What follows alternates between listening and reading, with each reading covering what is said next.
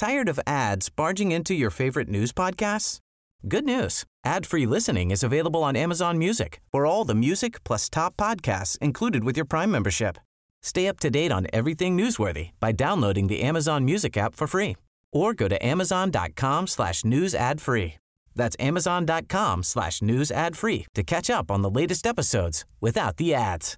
Hey, I'm Ryan Reynolds. At Mint Mobile, we like to do the opposite of what Big Wireless does. They charge you a lot, we charge you a little. So naturally, when they announced they'd be raising their prices due to inflation, we decided to deflate our prices due to not hating you.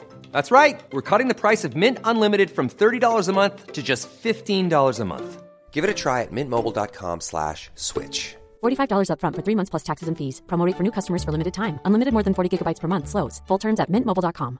If you thought the only way to get a more defined jawline with natural looking results was through surgery, think again. Juvederm Volux XC is a non surgical injectable gel filler that improves moderate to severe loss of jawline definition and can help you achieve natural looking results with little downtime. Even better, this improved definition lasts up to one year with optimal treatment. No maintenance required. Improve jawline definition for a smooth, sculpted look with Juvederm Volux XC. For important safety information and to find a licensed specialist, visit juvederm.com. That's J U V E D E R M.com. Not for people with severe allergic reactions, allergies to lidocaine, or the proteins used in Juvederm. Common side effects include injection site redness, swelling, pain, tenderness, firmness, lumps, bumps, bruising, discoloration, or itching. There's a risk of unintentional injection into a blood vessel, which can cause vision abnormalities, blindness, stroke, temporary scabs, or scarring. Talk to a licensed specialist to find out if it's right for you.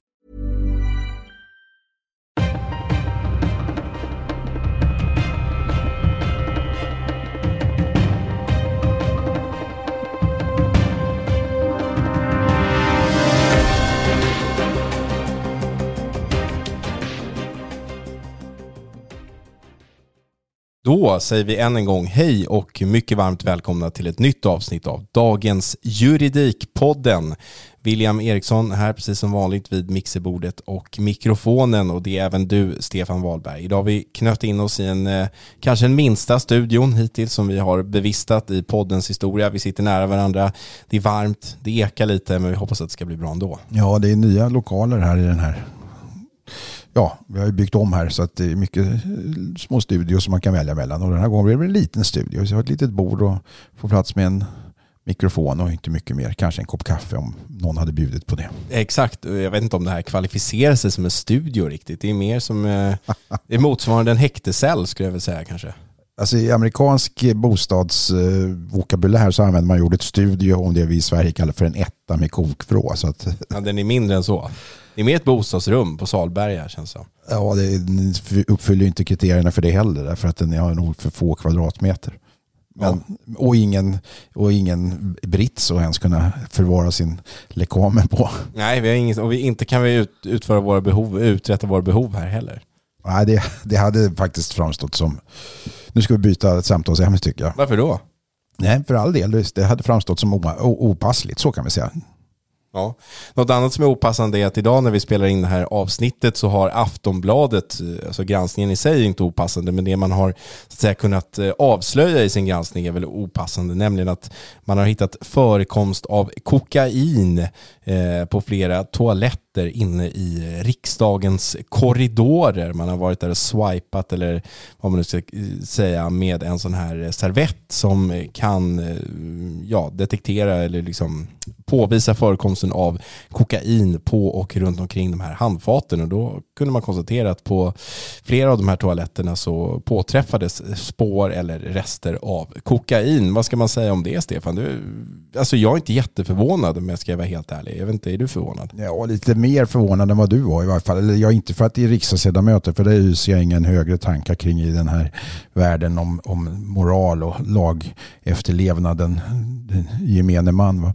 Men däremot så kan jag tycka att, att det är intressant att eh, eh de svar som ges av partiledarna för de här olika partierna och den som kan man väl säga uttryckte det mest eh, kärnfullt och så, det var ju, jag får säga Folkpartiets, men det heter de inte numera, Liberalernas partiledare Johan Persson, tillika notariemeriterade juristen och han är ju även minister numera, statsråd. Han uttryckte så här, man ska inte knarka och det tycker jag var kort och koncist medan andra partiledare på ett betydligt mer omständligt sätt la ut eh, orden kring detta.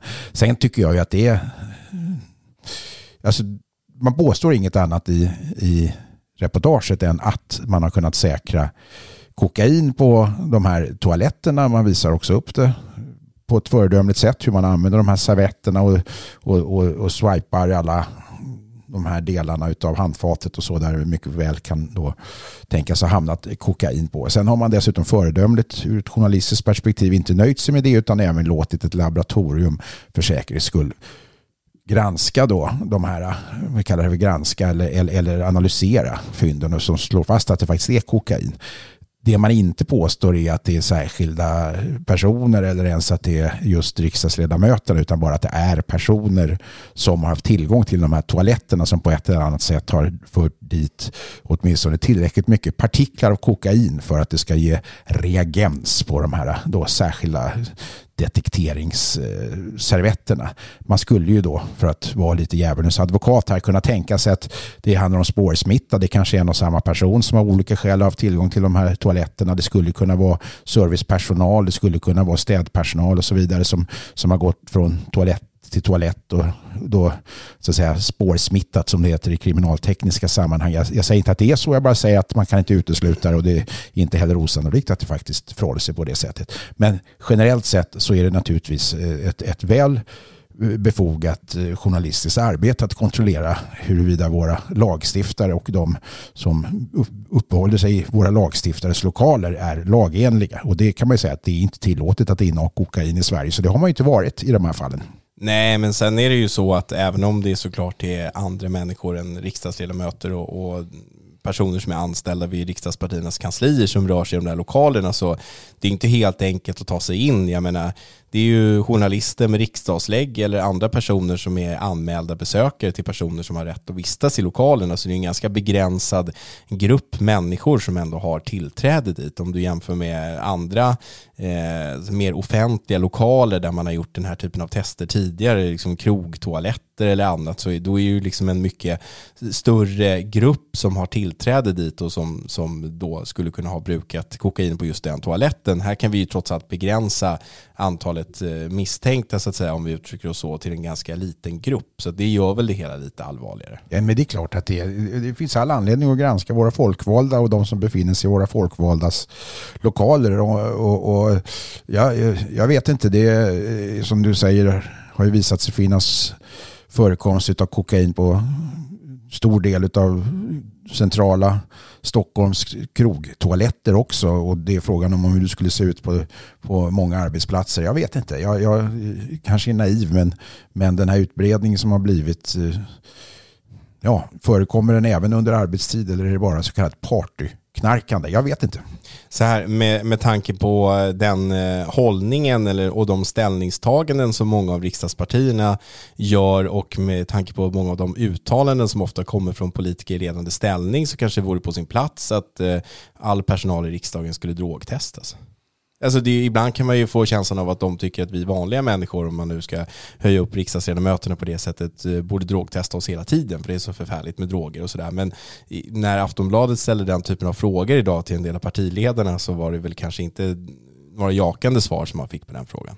Det är intressant därför att det finns ju rättsfall på sånt här inom arbetsrätten huruvida en arbetsgivare både har rätt att drogtesta och framförallt när de har rätt att drogtesta. Och eftersom enkelt och kort och sammanfattningsvis så är praxisen så att om det är så att säga nödvändigt för, för ett arbete ska kunna utföras på ett säkert sätt eller för, för säkerheten på arbetsplatsen i, om man till exempel framför eh, fordon och har med farliga verktyg och maskiner att göra. Och, så där. och då är frågan, skulle det vara rimligt att, så att säga, ställa de kraven på våra högst folkvalda att de ska genomgå drogtest innan de fattar beslut? Ja, det kanske är, är, är ett rimligt krav eh, som det skulle bli lite, lite eh, ska vi kalla det för, pikant om det skulle framföras. Eh, en av partiledarna som fick eh, frågan här kring sin syn på de här resultaten var ju Vänsterpartiets eh, partiledare och hon, hon kontrade med att säga att man kanske skulle genomföra drogtester på Aftonbladets redaktion också. Vilket naturligtvis i sammanhanget var ett något apart svar när det inte handlade alls om Aftonbladets medarbetare utan om, om, om riksdagens medarbetare och ledamöter i det här sammanhanget. Men hon, hon satte ändå fingret på någonting som, som man kanske i ett bredare perspektiv skulle kunna tycka var intressant. Och då tänker jag inte bara på Aftonbladet utan även på alla andra arbetsplatser. Dagens juridik. Ja, Dagens juridik vill jag, men jag vet inte hur det här vita pulvret ur din relation till det. Nej, det vet inte jag heller. Nej, så går vi vidare. Ja. Du, 11 eh, miljoner kronor, är det någon summa som säger dig något? Man får ett eh, stort antal kilo kokain för. Det får man, men inte så många som man kanske tror. Det är dyrt nu för tiden. Ja, det ligger väl på tusen kronor grammet fortfarande om inte jag är fel, helt felunderrättad utifrån de domar jag brukar ta, ta del av. Men jag tror att 11 miljoner syftar på den försvarsadvokat som förra året faktiskt fakturerade mest till Domstolsverket i sin egenskap av just offentlig försvarare. Han fick i alla fall eh, mest eh, miljoner utbetalt av staten, så kan jag väl säga. Hur mycket han fakturerade, det vet jag faktiskt inte, för det kan ju vara så att man ibland lämnar kostnadsräkningar som, som man får prutade sen så att säga. Men 11 miljoner kronor, lite drygt, fick advokaten Slobodan Jovicic utbetalt från Domstolsverket eh, i egenskap av offentlig försvarare under förra året. Dagens Juridik, vi brukar ju publicera den här listan varje år för att det är som vi nämnde i någon podd här för inte så länge sedan, det rör skattepengar och därför är det befogat att redovisa den här typen av lista. Den brukar eh, väcka rätt stor uppmärksamhet och intressant i år får man väl lov att säga var att Advokatsamfundet tycks ha förberett en ganska lång eh, text som behandlade det här som publicerades ganska kort efter att vi hade publicerat vår lista där man så att säga redogjorde för att de här eh, summorna handlar om intäkter, det handlar inte om lön, det handlar om belopp som har fakturerats kanske, eh, alltså eh, intäkter som kommer från mål som har pågått under året innan och så vidare och så vidare och den här substitutionsfrågan och så. Men 11 miljoner kronor är ju ganska mycket eh, pengar. Slår man ut det på den här timtaxan så blir det ju väldigt många timmar arbetade under ett år för att komma upp i den här summan. Jag tror att timtaxan ligger på runt eh, 1400 kronor i timmen eller någonting, alltså den här brottmålstaxan som man i normalfallet ersätts med om man arbetar som offentlig försvarare eller målsägandebiträde. Eh, så att alla som läser den här listan och har någon kunskap förstår ju att det inte är möjligt för en och samma advokat att arbeta alla de här timmarna under ett år, hur bra eller liksom duktig man är på att lägga ner tid. Då kommer ju frågan, är det möjligt att, så att säga, substituera så pass mycket att man kommer upp i de här summorna då, Stefan? Eller finns det liksom mm. några gränser för när man som advokat så att säga, måste säga nej till uppdrag? Jag, jag säger inte att, det, så att, säga, att Slobodan eller någon annan som är på den här listan substituerar i alldeles för stor utsträckning, men frågan växer ju åtminstone när man ser de här beloppen, för det är väldigt mycket pengar det är enormt stora belopp. Och jag, jag menar, om vi börjar i den här änden där samfundet faktiskt var ute då och gång på gång även pedagogiskt försöker förklara det som är en, eh, ett faktum, nämligen att det här är pengar som inte är att betrakta som lön utan det här ska täcka advokaternas verksamhet och sekreterare och kontor och medarbetare och mm. datautrustning och telefonabonnemang och så vidare. Bara så vi gör det helt klart för alla som eventuellt lyssnar på vår podd som inte är helt insatta i den frågan. Så kommer man då till nästa slutsats eh, och det är att nu pratar vi rent generellt, att advokater som då får betalt för, ja, låt säga, det finns ju då advokater som får betalt för 7000 timmar i ett sånt här sammanhang under ett år. Om det nu avser ett år så, så, så skulle det motsvara 120-130 timmar i veckans arbete. Och det säger sig ju självt att det finns duktiga, flitiga advokater naturligtvis. Så man kan ju jobba dygnets alla timmar och, och, och inta sin dygnsvila väldigt, eh, väldigt sparsamt. Men det är inte rimligt att man har jobbat 130 timmar i, i, i veckan utan där måste det vara så att man satt annan i sitt ställe eller att man då har substituerat som det heter på advokatsvenska. Va? Och vad är då eh, substitution? Ja, det är just att du kan inte ta ett uppdrag som du personligen har tilldelats som till exempel offentlig försvarare. Och Eh, det här har varit betydligt mer frikostigt tidigare i svensk, eh, ska vi kalla det för domstolspraxis, än det har blivit bara de senaste åren, eller året kanske, där man har satt ner foten och sagt att det här med substitution är ingenting som man kan ta som huvudregel, utan det är ett undantag som ska tillämpas restriktivt och det är ett undantag som ska tillämpas när till exempel en advokat blir sjuk och verkligen inte kan medverka i en rättegång och därför skickar en annan, då, oftast advokat, till sitt ställe. Men att regelmässigt göra det för att kunna så att säga, om jag uttrycker mig lite vanvördigt, profitera på sitt goda namn som försvarsadvokat, få klienter och sen så ta andra uppdrag och skicka en ersättare. Det är inte acceptabelt har man sagt ifrån Domstolsverkets sida. Utan att vara offentlig försvarare är och ska också vara ett personligt förknippat uppdrag, inte minst när man har blivit begärd av en viss klient att, att utföra det här uppdraget. Och eh, då ska det inte vara möjligt att substituera så mycket så att man, man, man eh, kan komma upp eh, i de här nivåerna. Jag tror inte det kommer vara det i fortsättningen heller, så kan jag säga. Eh, man kan säga så här, de, det är två advokater som brukar hamna ganska högt upp på den här listan som uttalar sig eh, i den här artikeln som Advokatsamfundet har skrivit. Det är advokaten Joel Appic och så är det advokaten Jonas Granfeldt. Och båda de två är inne på det här faktumet att det är en väldigt händelsestyrd bransch. Ja, det är det ju självklart. Det är inte alltid så lätt att, att säga, lägga en omfattande planering i rollen som offentlig försvarare. Det förstår jag också. Det är, det är snabbt omkastligt och det är, man måste gå på något förhör där och förhandlingar planeras in ibland vare sig advokaten har sagt att han eller hon kan eller inte och så vidare och så vidare. Men som ett exempel så kan vi ta ett annat mål eh, där vi då skrev om i veckan en advokat som får rätt till förhöjd ersättning i ett mål. Eh, om man bortser från det, det faktumet att han får rätt till höjd ersättning så kan man säga att i ett väldigt omfattande brottmål som spände över väldigt lång tid, fem månader lång huvudförhandling och liknande, så fick han ersättning för 996 timmars arbete. Eh, och då konstaterar hovrätten att det här målet har tagit så mycket tid i anspråk och så mycket ansträngning för honom att det så att säga, har påverkat hans advokatverksamhet negativt. Han har inte kunnat åta sig nya uppdrag Eh, och liknande när det gäller häktade mål och så. Och det är väl jättebra och då har han så att säga, sagt att Nej, men jag kan inte ta de här uppdragen för jag sitter fast i det här omfattande målet. Det är 996 timmar. Eh, du nämnde här i början att för att komma upp i 11 miljoner så har man behövt fakturera drygt 7000 timmar. Då kan vi återigen nämna att det kan ju vara släpande intäkter från året innan och så.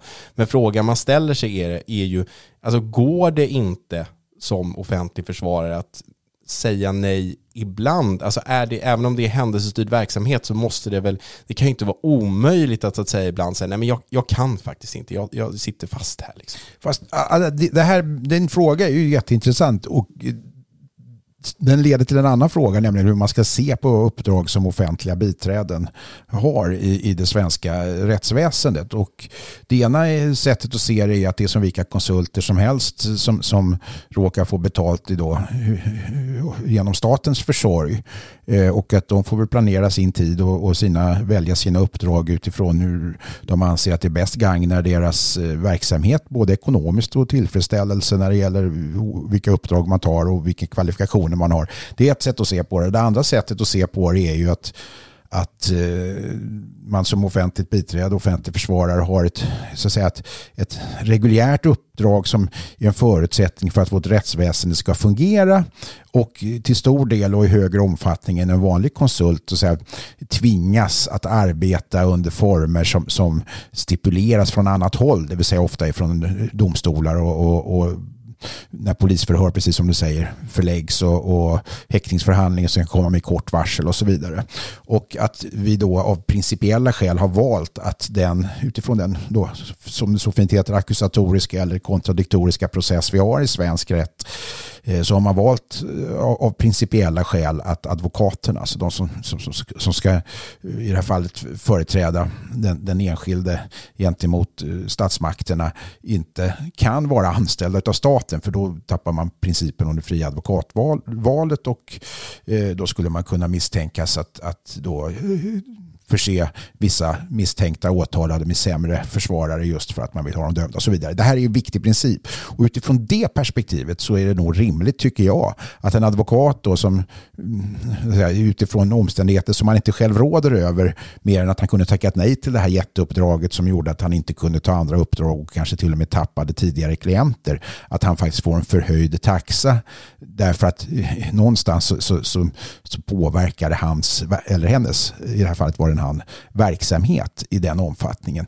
Och jag har inga, jag har personligen inga principiella invändningar, tvärtom, jag tycker det låter ganska rimligt. Även om jag även förstår argumentet att, att man, man så att säga, det är svårt att dra upp gränser här och jag förstår även argumentet att man i någon mening även som advokat kan, kan och får välja och vraka. Sen ska man ju säga till detta att bland alla dessa offentliga försvarare, vare sig vi pratar om de som ligger på toppnivå som enbart har fakturerat som offentliga försvarare eller de som får förhöjt arvode till följd av omständigheter som vi just har pratat om finns det också ett stort antal brottmålsadvokater eller i vart fall ett antal brottmålsadvokater som parallellt med detta tar uppdrag som privata försvarare. Och det finns ju inte med i de här siffrorna och många av dem är ju skulle säga, också toppadvokater eller, eller kanske till och med är toppadvokater som, som, som eh, anlitas på helt andra premisser och som inte då i slutändan hamnar på Statsverket i form av arvode som offentlig försvarare. Även om det kan resultera i naturligtvis att man om man vinner målet får betalt. Men de finns inte förordnade som offentliga försvarare. Nej, så är det absolut. Men, men det jag tänker är att vore det inte mer rimligt för att, så att säga, undvika substitution i stor utsträckning, att man gör som hovrätten gjorde i det här målet som jag lyfte alldeles nyss, att man säger att är man väldigt hårt bunden i ett väldigt tungt brottmål, många av de här stora gängmålen är ju, det förstår jag också, extremt omfattande. Vi pratar enorma förundersökningar, det är mycket material att läsa igenom, det är många förhandlingsdagar. Vore inte rimligt att man så att säga höjde upp timkostnadsnormen i de här väldigt betungande målen, betalade försvarare och målsägande beträder rejält där, och, men då sa att det är en förutsättning att det här är ett mål som du ska lägga 100% fokus på under den tidsperioden. Och då skulle man ju också få ett större så att säga, flöde eh, i de här förordnande målen där advokater som har kanske ibland svårt, trots att de är skickliga, att få brottmål via listorna för att man aldrig blir begärd och så vidare, också får möjligheten att bli bättre advokater genom att man får vara ute och processa. Sen menar inte jag att vi ska på något sätt åsidosätta det fria advokatvalet, men jag bara tänker att om man tycker, som jag kan tycka ibland, att substitution är problematiskt eftersom att om jag begär dig, Stefan, som min försvarare så vill jag att du ska vara där. Jag vill inte ha eh, Erik Tagesson som min försvarare då. Då hade jag ju begärt honom så att säga. Eh, då skulle man ju kunna göra som hovrätten gör här, att man höjer upp ersättningen lite grann för de här arbetade timmarna i det omfattande målet och sen så får man acceptera att då kan man inte göra så mycket annat samtidigt. Ja, det var ju alltså precis så och det är ungefär det jag menar att man, man måste i någon mening se till principen kring det personliga förordnandet och inte minst när man har själv blivit vald av sin klient att det här är inget som man leker med. Därför att du har blivit vald för att du är du och inte för att du är advokat. Och det är ju som bekant så att en advokat är inte en advokat är en advokat utan en advokat eh, kan vara både bra och dålig och man kan vara bra på vissa saker och sämre på andra saker. Och därför så är det ju som bekant så att det finns ett syfte med att välja advokaten A, B eller C. Därför att jag vill ha A, B eller C.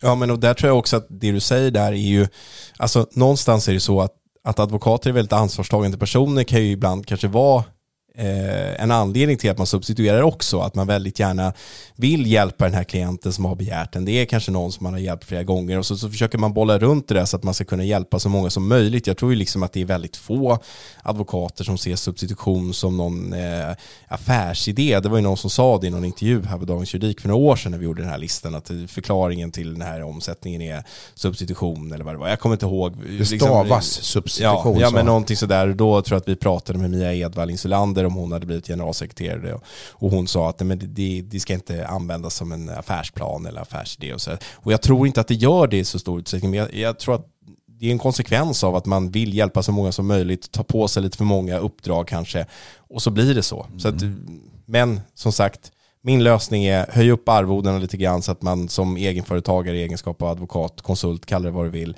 inte behöver ta på sig så fruktansvärt många uppdrag för att få eh, sin verksamhet att gå runt. Nej, sen, sen är det ju också så, ska man säga, i andra änden att ett långt sammanhängande uppdrag är i sig av värde för alla konsulter. Det spelar ingen roll om man är advokat, reklamare eller, eller vad man nu må vara. Frilansjournalist. Ja, till exempel. Därför att du har en, en eh, stark eh, då, bindning till ett längre uppdrag som inte innebär att du behöver skaffa nya jobb och de här så, så kallade transportsträckorna mellan olika uppdrag, både tid och kraft, är ofta mer betungande än vad många Eh, som har en, en fast anställning faktiskt, en åklagare tror jag inte riktigt kan förstå hur en advokat har det som ska både se till att underhålla eh, klienter som man har och som man har haft för att de förhoppningsvis ska komma tillbaka och kanske sådana som man i framtiden ska få och så vidare. Så det, det, det, det, finns sådana aspekter i det här också som naturligtvis gör att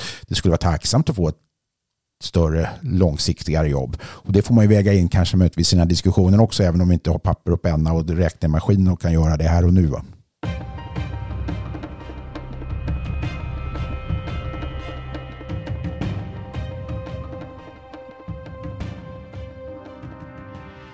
I veckan så eh, beslutade Göta hovrätt att man, eh, ja, man beslutade att riva upp Örebro tingsrätts beslut att tidsbestämma Malexander mördaren Jackie Arklövs livstidsstraff. För det var ju så att i våras så konstaterade Örebro tingsrätt att eh, det fanns möjlighet att tidsbestämma Jackie Arklövs straff. Åklagaren överklagade det här beslutet till Göta hovrätt som nu alltså säger nej. Hovrätten skriver i sin dom att man i likhet med tingsrätten kommer fram till att flera av lagens kriterier för omvandling är uppfyllda men till skillnad från tingsrätten så anser hovrätten att det fortfarande finns en så att säga konkret och beaktansvärd risk att Jackie Arklöv återfaller i brottslighet av allvarligt slag, vilket då är ett absolut hinder mot omvandling av ett livstidsstraff. Jackie Arklöv, Stefan, det är ju en av Sveriges ehm, mest kända eller ökända brottslingar. Han har ju erkänt Alexandermorden. Jag tror han hade suttit in i två år eller någonting när de här erkännandena började komma. Han är ju också dömd för något folkrättsbrott, tror jag, om jag inte minns helt fel. Vad tror du? Är det här någonting som skulle kunna leta sig upp hela vägen till Högsta domstolen? Ja, nej. Jag, jag ser inget riktigt principiellt i det mer än, ja, kanske. Jag, jag, jag, oj, du tog mig verkligen på sängen här. Eh, frågan handlar ju till viss del, eller till stor del, eller kanske ja, väldigt stor del om huruvida det finns en risk för återfall i allvarlig brottslighet. Det är egentligen det som är avgörande, både när det gäller de här fallen generellt sett, men inte minst i det här fallet just med Merkel. Och, och där finns det ju i det här fallet två olika bedömningar. Ja, Socialstyrelsen ställer sig ju inte då bakom den här tidigare bedömningen som har gjorts av Rättsmedicinalverket. Va? Eh, och eh, därmed är, ju, är det ju närmast om man kan prata i brottmålstermer och betrakta som en bedömningsfråga samma slag som man gör bevisvärderingar. Jag är inte helt säker på att, det är klart om det är en rättsfråga hur man ska förhålla sig till att två myndigheter gör två olika bedömningar, då är det en rättsfråga. Ska man då ge företräde för den som är mest gynnsam för i det här fallet eh, den, den, den sökande? Eller ska man se till att eh, så att säga, res judicata, det vill säga livshistorien gäller till dess att annat är bevisat. Den frågan skulle jag nog, om jag hade varit Jack Arklövs advokat, möjligtvis kunna tycka var intressant att formulera ungefär så, om det är en obesvarad fråga. Men den rena bedömningen huruvida det finns en risk för återfall i allvarlig brottslighet, det vet jag faktiskt inte om det är en fråga för Högsta domstolen som sådan. Det, det är tveksamt. Eh, ja, vad tror han? Alltså, jag tror, om jag inte minns helt fel, att det är så att det senaste så att säga, målet som HD prövade när det gäller tidsbestämning av livstidsstraff var Mattias Flink och det är ganska många år sedan. Det är ju 15 eller 16 år sedan som man prövade det då i Högsta domstolen. Så tänker jag att det här skulle kunna vara ett fall som HD prövar med tanke på mm. att det trots allt rör Eh, ett väldigt uppmärksammat polismord. Det kan vara svårt att om man nu skulle vilja tidsbestämma Jack Arklövs livstidsstraff, hur långt ska straffet bli och hur ska man agera i situationer där Rättsmedicinalverket och Socialstyrelsen så att säga kommer till olika slutsatser i sina utlåtanden? Ja, det var just det jag menade. Alltså att har du, där har du en rättsfråga. Hur ska man förhålla sig då? Ska det vara det som är gyns, mest gynnsamt för den enskilde eller ska det vara principen om res judicata, att livstidsdomen står fast i motsatsen är, är så att säga visat? Där, där tycker jag att det kan finnas en anledning. Men den rena bedömningsfrågan som jag sa tror jag inte att HD eh, kommer vara intresserade av att, att pröva. Sen ska vi ha klart för oss att när det gällde Mattias Flink, om jag inte jag minns helt fel, så var det så att man även fick till en, en så kallad rättsfråga där av den kategorin eh, som hade med mängden offer och målsäganden i det brottet som Mattias Flink hade begått att göra. Va? Det vill säga man tog ställning till om det var rimligt att en människa som hade dömts för mord på sju personer skulle kunna skulle kunna få ett tidsbestämt straff. Om inte jag minns helt fel, nu har jag inte läst den här det här beslutet sen, sen det kom ifrån HD. Men om jag inte minns helt fel så är det närmast existentiella resonemang som förs i domen som, som om, om så att säga, straffbarheten av att mörda fler och hur, hur klandervärt det är i förhållande till om det hade varit färre och så vidare. Som man faktiskt för upp som en gör till en juridisk rättsfråga där HD med all rätt faktiskt eh, bestämmer sig för att pröva saken. Och det kanske man kommer göra i det här fallet också.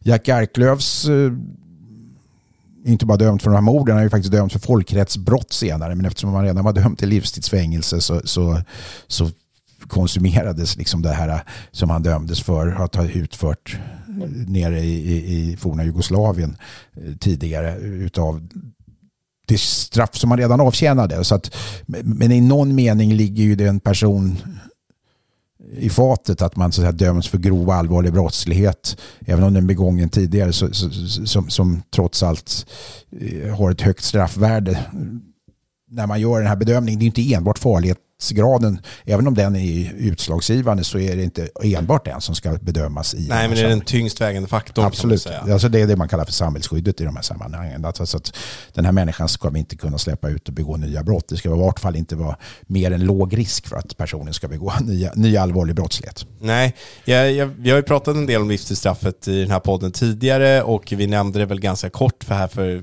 inte alls för lång tid sedan men vi, vi gjorde en liten kartläggning av det på Dagens Juridik Eh, hur det har sett ut från att man införde möjligheten till tidsbestämning genom ett domstolsbeslut och så att säga flyttade makten från politikerna och nådeinstitutet till domstolarna. Eh, vad tycker du? Tycker du att den här typen av beslut ska ligga på en domstol eller hade det känts bättre för dig om det var så att säga Ulf Kristersson som hade fattat det här beslutet idag? Eh, alltså för en gångs skull så är jag ju då i varje fall kritisk till, eller jag är inte oförbehållsamt positiv till att det är domstolar som avgör de här frågorna. Därför att det här är någonting som ligger utanför och det är ju ingen konstigheter. Det ligger liksom utanför den reguljära rättsskipningen. Och det må vara så att domstolar är generellt sett både drillade att och bra på att göra bedömningar av det här slaget och det ska läggas det ena till det andra om man ska komma fram till de här olika kriterierna och så vidare utifrån expertutlåtanden.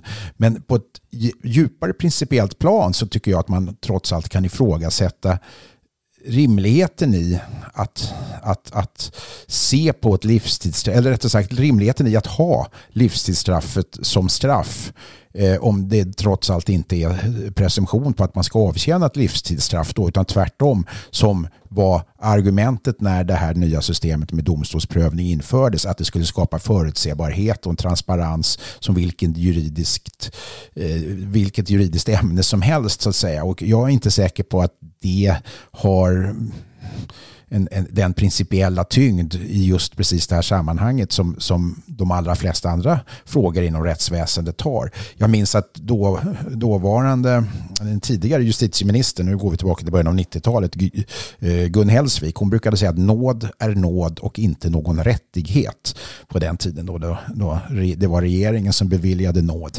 vilket ska vi säga regelmässigt trots allt skedde förr eller senare. Sen kom då Thomas Bodström som justitieminister och drev igenom de här Eh, förändringarna till att det här ska göras på ett rättssäkert sätt och man ska kunna ha en förutsebarhet och så vidare. Och det är ju helt rätt. Det ska vi normalt i de allra, allra flesta situationerna inom juridikens värld och inte minst inom straffrättens värld faktiskt har med oss att det är väldigt viktigt. Men i just det här sammanhanget så är jag inte helt säker på att det alltid är rätt. Sen kan vi diskutera då, som jag sa inledningsvis, livstidsstraffets vara eller icke vara och det är jag inte heller säker på är, är, är rätt att vi har överhuvudtaget. Men om vi nu ska ha det så ställ, kan man ställa sig frågan om det ska bli en förutsebarhet i det eller om det helt enkelt ska vara så att den som har skött sig tillräckligt bra kan få på nåd, så att säga, som det hette tidigare, omvandlat till ett tidsbestämt straff. Jag är inte säker på att det här är, är, är, har varit rätt väg att gå faktiskt. Men då är frågan återigen på nåd av vem? Och ska det vara då på regeringens nåd eller ska det vara på kriminalvårdens nåd eller ska det vara på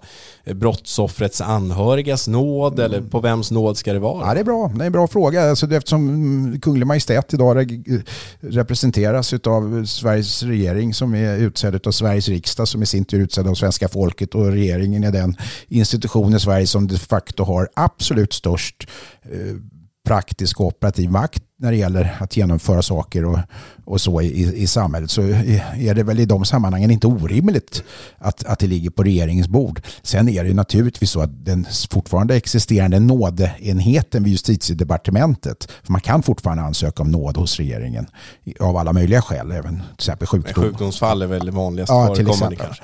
Eh, det är ju de som handlägger och föredrar det här för regeringen och i de allra flesta fallen även innan det här domstolssystemet fördes in då utav Thomas Bodström eh, så, så eh, kan man väl säga att det var formellt eh, ett statsråd som undertecknade detta. Det var ju inget som föredrogs i någon större omfattning och man satt och gjorde överväganden på ett regeringssammanträde utan det här gjordes ju utav jurister på nådenheten och sen så om det var okontroversiellt i vart fall så, så fattades beslut på ett ganska, jag vet inte om slentrianmässigt om, om landets regering, men i varje fall rutinmässigt sätt.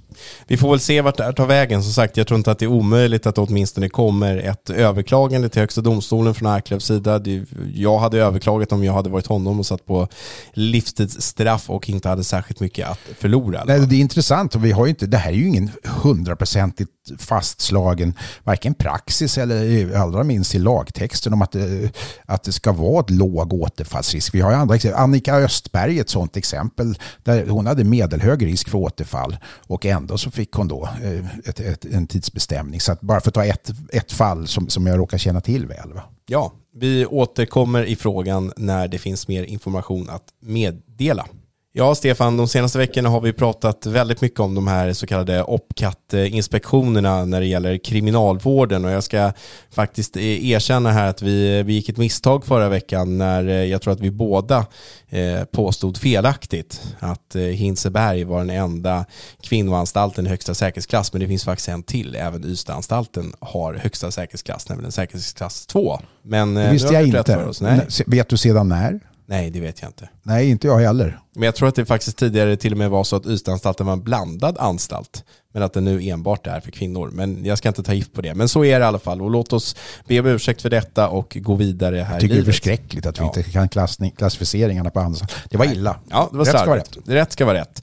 Eh, sen den podden så har jag gjort en sammanställning över beläggningssituationen på kriminalvården i stort. Jag bad kriminalvården att Eh, få ta del av siffror kring hur beläggningssituationen såg ut den sista veckan 2023, nämligen mellan juldagen och nyårsafton den 25 till 31 december och då fick jag ett eh, väldigt fint, eh, vad ska man säga, en väldigt fin Excel-fil från kriminalvården som var väldigt enkel att läsa och det var dyster läsning, inte helt oväntat. Beläggningssituationen är Eh, alltså det är så pressat så att man förstår inte hur det är möjligt. Kriminalvården skiljer då på det så kallade totalvärdet, det vill säga antalet platser som går att använda och eh, fasta platser värdet, det vill säga de platser som så att säga är ordinarie bostadsrum. Och tittar man på beläggningen när det gäller de här fasta platserna så finns det ju typ inte en enda anstalt eller ett enda häkte någonstans som inte har en beläggning som ligger en bra bit över 100%.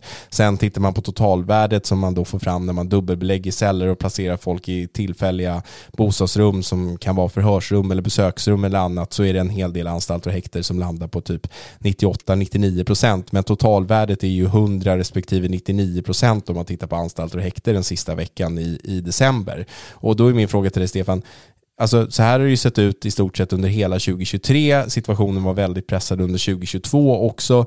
Det pågår en jättestor utbyggnad av kriminalvården, men hur länge tror du att det kommer se ut så här? Jag har ju tidigare sagt och jag, jag, jag, säger det gärna igen, det här är helt förskräckligt och det är högst sannolikt inte bara i strid med svensk lag utan också i strid med internationella konventioner som, som Sverige har antagit. Och den som säger att kriminella får skylla sig själva är långt ifrån eh, den verklighet som då våra interner ska, ska behöva utstå utifrån de principer som jag tror att vi alla egentligen i grund och botten är överens om. Det är lätt att, att säga så här, det är lätt att, att, att ha en uppfattning även politiskt om att det här är inget man drar poänger på. Samtidigt som vanliga, så kallade vanliga människor, jag tror faktiskt inte att de vill att det ska se ut i svenska fängelser som i, i de värsta fängelsefilmerna vi har sett. Jag tror inte att de tycker att svenska, eh, fängel, svenska intagna på fängelser och för den delen häkten där man inte ens är dömd för brott ännu ska behöva klättra på varandra och sova i trippelsängar och allt vad det nu är. Och vi kan konstatera att JO tidigare har sagt att det är oacceptabelt och att det är, är, är eh, i strid med de gällande regelverk som finns att till exempel låta människor som är häktade eh, sitta i polisarrester som har en helt annan och sämre standard. Vi pratade inledningsvis lite skämtsamt här om den lilla studio vi sitter just i. Det, det kan vi skämta om men man skämtar inte om att få sitta häktad under en längre period i en polisarrest kan jag säga. Och när JO har slagit fast att det här är oacceptabelt och det inte blir någon ändring så kommer vi till slut till nästa fråga. Vem ska hållas ansvarig för detta? Och någon är det ju ändå som måste fatta fatta beslut om att den här frihetsberövade personen nu ska förvaras i en viss lokal och att den lokalen inte stämmer överens med hur svensk och internationell lagstiftning eh, ser ut är ju då eh, ytterst är det lagbrott och, och det kan vara, omfattas av en mängd lagar men för enkelhetens skull så kallar vi det för tjänstefel och det är ett brott som uh, har vanlig bedömningsgrund för, för att kunna fälla en enskild individ för detta. Och då är frågan, ska man då inom de här myndigheterna som fattar de här besluten göra sig skyldig till sådana brott som, som man egentligen är satt att, att motverka? Om man utgör en del av rättsväsendet. Det blir en oerhört svår situation det här och, och det blir inte bättre av att man nu slänger in allt fler på häkten och anstalter eftersom vi inte har hunnit med att bygga ut det. Jag förstår problemet, det är ingen tvekan om det. Jag påstår inte att man ska släppa ut livsfarliga människor hur som helst. Jag påstår att man har en skyldighet från statens sida att, att se till att det här fungerar och att det borde ha gjorts i så fall i, i mycket god tid innan den här beläggningsgraden ökade. Och sist men inte minst i den här lilla predikan då till, till, till humanitet eh, fromma så är det faktiskt så att vi även har inom fängelselagen så finns det ju en bestämmelse som i och för sig inte är ovillkorlig men eh, om så kallad självisolering då att en intagen kan medges att på egen begäran hållas avskild från andra. Och där finns det, det står om, om lämpligen kan ske tror jag att det står i den bestämmelsen. Och eh, det tar ju primärt, primärt inte sikte på så att säga, huruvida det finns en praktisk möjlighet att tillgodose en sådant önskemål utan snarare på de delar som rör den person som har, begärt det och så vidare. Eh, och att det undantagsvis inte kanske går av lokalitetsskäl är en sak. Men att vi har en beläggning som är så ohyggligt hög att den vida överstiger 100% på våra häkten och anstalter och att detta inte under överskådlig tid kan åtgärdas är naturligtvis ett problem som någon måste se till att lösa. Jag vet inte hur eller när eller vem men ytterst landar ju det här på regeringen naturligtvis. Jag pratade med Ulrik Andersson som jobbar som gruppchef på eh, placeringssektionen vid Kriminalvården. Han berättade ju för mig då att det här får ju konsekvenser, väldigt stora sådana, för personer som honom och i hans närhet som jobbar på den här sektionen. Och eh, han berättade bland annat att personer som så att säga inte tillhör något kriminellt nätverk eller är dömd för brottslighet som är kopplad till det här som så att säga inte har den typen av kanske farliga personkopplingar som människor som är medlemmar i kriminella nätverk och så har. De blir oftast bara placerade på den anstalt som ligger i rätt säkerhetsklass och där det finns en plats. Men det innebär i sin tur att kriminalvården kan liksom inte verksamhetsanpassa de här placeringarna, det vill säga har du problem med någon speciell typ av missbruk eller behöver någon speciell form av vård som kanske bara finns på en anstalt så finns det liksom inte möjlighet längre att försöka placera Stefan där det passar Stefan bäst att hamna utan finns det en ledig plats på en anstalt så får du hamna där oavsett om vården där passar dig eller inte. Och då är frågan hur länge kan man heta kriminalvården om man inte längre kan liksom anpassa vården efter de intagnas behov. Det är också ett problem som man kanske inte så ofta diskuterar när man diskuterar eh, överbeläggning på häkten och anstalter. Då diskuterar man ju ofta det som du var inne på här, att det är inte så trevligt att behöva dela rum med andra andra människor när man inte ska behöva göra det. Men det här blir ju ett problem där det kommer till återanpassning och, och det här med bättre ut som är kriminalvårdens slogan. Det blir väldigt svårt att åstadkomma det om man inte kan så att säga Eh, anpassa verkställigheten efter de intagnas behov. Ja, alltså det är väl bara Sverige och Norge som idag gör anspråk på och fortfarande har namnet kriminalvård till att börja med. Eh, jag brukar gärna peka på det faktum att eh, den inte i den i varje fall i den statistiska meningen inte kan jämföras med någon annan vårdform. Alltså, de som är lagförda minst tio tillfällen har ett återfall som ligger på 90 procent ungefär efter tre år på anstalt sitter de alltså inne på kåken igen. Med detta icke sagt att människor som, som är dömda till brott, eller för den delen häktade heller, ska ha något, tycker inte jag heller. Alltså det är så här, vi säger för enkelhetens skull, folk som är dömda, dömda för ett brott i fängelse, de ska naturligtvis i sedvanlig ordning kunna framföra önskemål om var de vill avtjäna sitt straff och man ska ta hänsyn till att de kanske ska få besök av sina barn och sådär. För det minimera lidandet åtminstone för, för de som är utanför anstalten. Sen är det ju så att döms till fängelse så är det så att staten disponerar den här tiden och det får man nog finna sig att den kan disponeras på ett sätt som man inte själv så att säga, väljer. Det är ju hela innebörden av fängelse utav fängelsestraffet ju att det ska vara i någon mening. Det heter fortfarande straff trots allt. Det heter fortfarande straffrätt och, och, och det heter trots allt, eh, vi har något som heter fängelselagen, den heter inte kriminalvårdslagen utan den heter faktiskt fängelselagen. Alla de här grejerna sammantaget ger en, en det får, får, inte ge en bild ska jag säga av att det här med kriminalvård och sådär är, är någonting som är, det får inte bli för flummigt rent ut sagt utan det måste ändå vara så att det finns en fasthet i systemet. Och där uh, gäller fastheten både gentemot de dömda intagna Eh, och de regler som finns men också gentemot staten när det gäller ansvar för att det ska finnas en, en, ett, ett rejält bra skalskydd men en hyfsat eh, bra humanitet eh, innanför det skal, stat, skalskyddet och just det klarar ju inte staten nu av att leva upp till. Nej, men sen är det ju så att om, om vi nu, vilket jag tror ändå att många har, om, om vi har en person som sitter på ett fängelsestraff som sträcker sig över tre år, då vill vi väl alla som lever i det här samhället utanför muren att den personen ska få den behandling som eventuellt kan möjliggöra bot och bättring för en person som har missbruksproblem eller andra problem. Men om den personen då inte kan få det på grund av att beläggningssituationen ser ut som den gör, trots att det finns eh, så att säga vetenskapligt beprövade program och annat på våra anstalter, då tycker jag att det är rätt problematiskt att man ja. bara skjutsar iväg någon till en anstalt där det finns en plats utan att överhuvudtaget utreda huruvida det passar individen i fråga eller inte. Annars tycker jag bara vi kan kalla det för straffverket så kan vi låsa in alla på 20 års fängelse och så får vi se hur det blir efteråt. Då blir det en annan typ av experiment. Men så länge vi kallar det kriminalvård och så länge vi har den här typen av behandlingsinsatser så måste ju strävan vara att den som sitter på anstalt ska hamna på bästa möjliga plats för att kunna utvecklas och bättra sig under ja. tiden.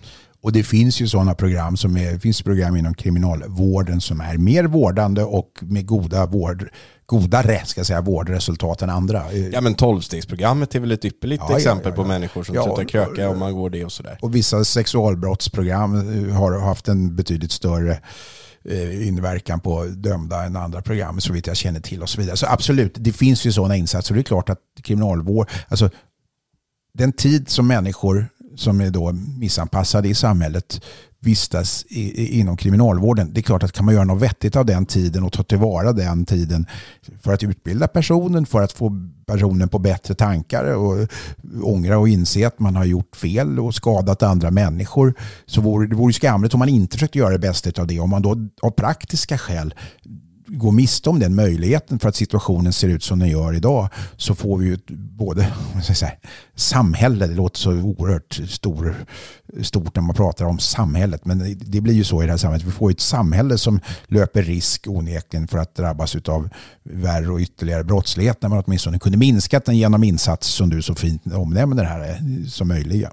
Ja, men så är det ju. Jag tror alla kanske inte blir bättre människor av att skruva ihop stickkontakter eller måla dominobrickor.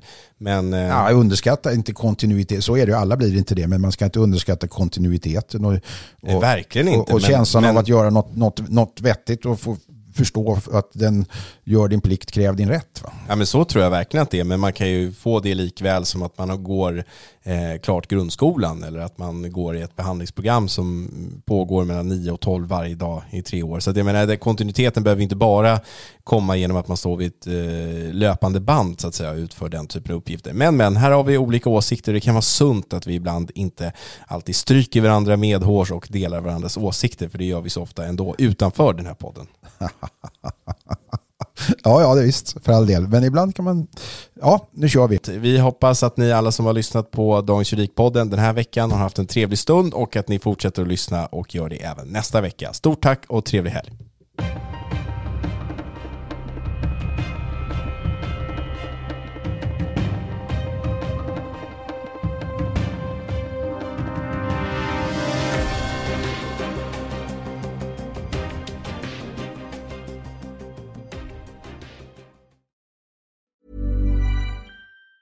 Tired of ads barging into your favorite news podcasts?